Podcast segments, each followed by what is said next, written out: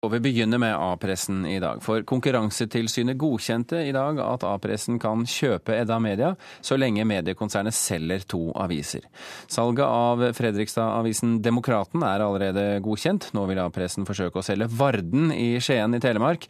Det betyr at ett stort mediekonsern nå vil kontrollere mange norske lokalaviser. Salget av Demokraten skal bidra til å sikre at eh, konsentrasjonen i Medie-Norge ikke blir for stor. Hos avisen i Fredrikstad var det god stemning da nyheten ble kjent i dag. Et lite ring varsler en ny tid for tradisjonsrike Demokraten. Hei! hei, var det masse? I dag ble det kjent at Fredrikstad-avisa er kjøpt opp av selskapene bak Agderposten og Rogalands Avis.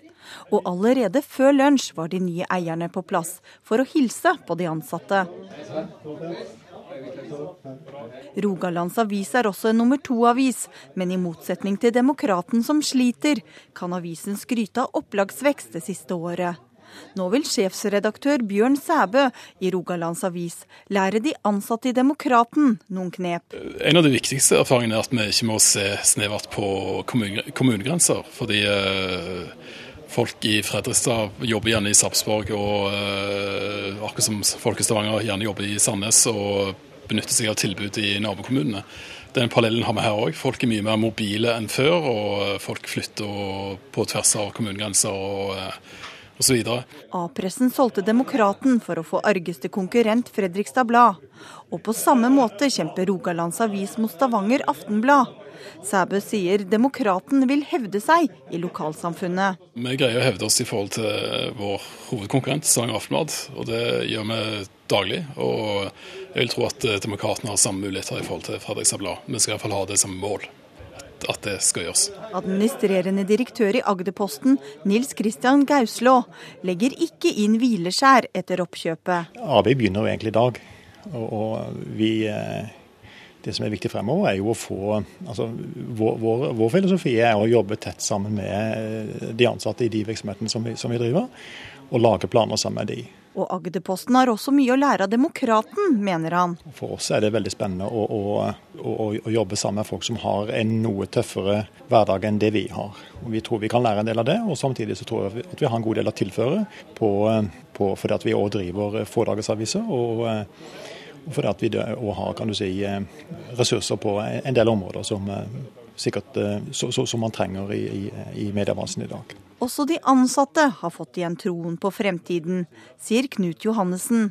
Jeg tror vi kan samarbeide om en del ting. Selv om vi ligger langt fra hverandre, så er det en del eh, ting vi kan spare penger på, sikkert, ved å stå samla. Så vi, vi, ser egentlig positivt på det som har skjedd.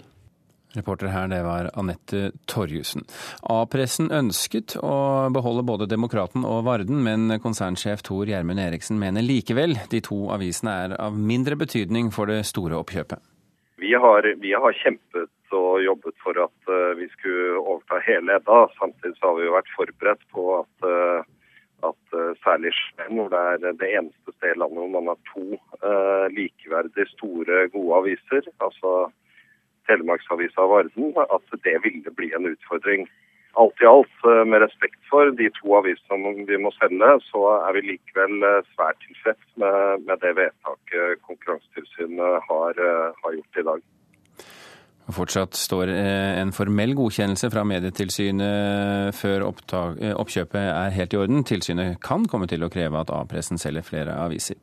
Sigurd Høst, professor i mediefag ved Høgskolen i Volda. Hvilke konsekvenser får det at de to største mediekonsernene nå blir ett?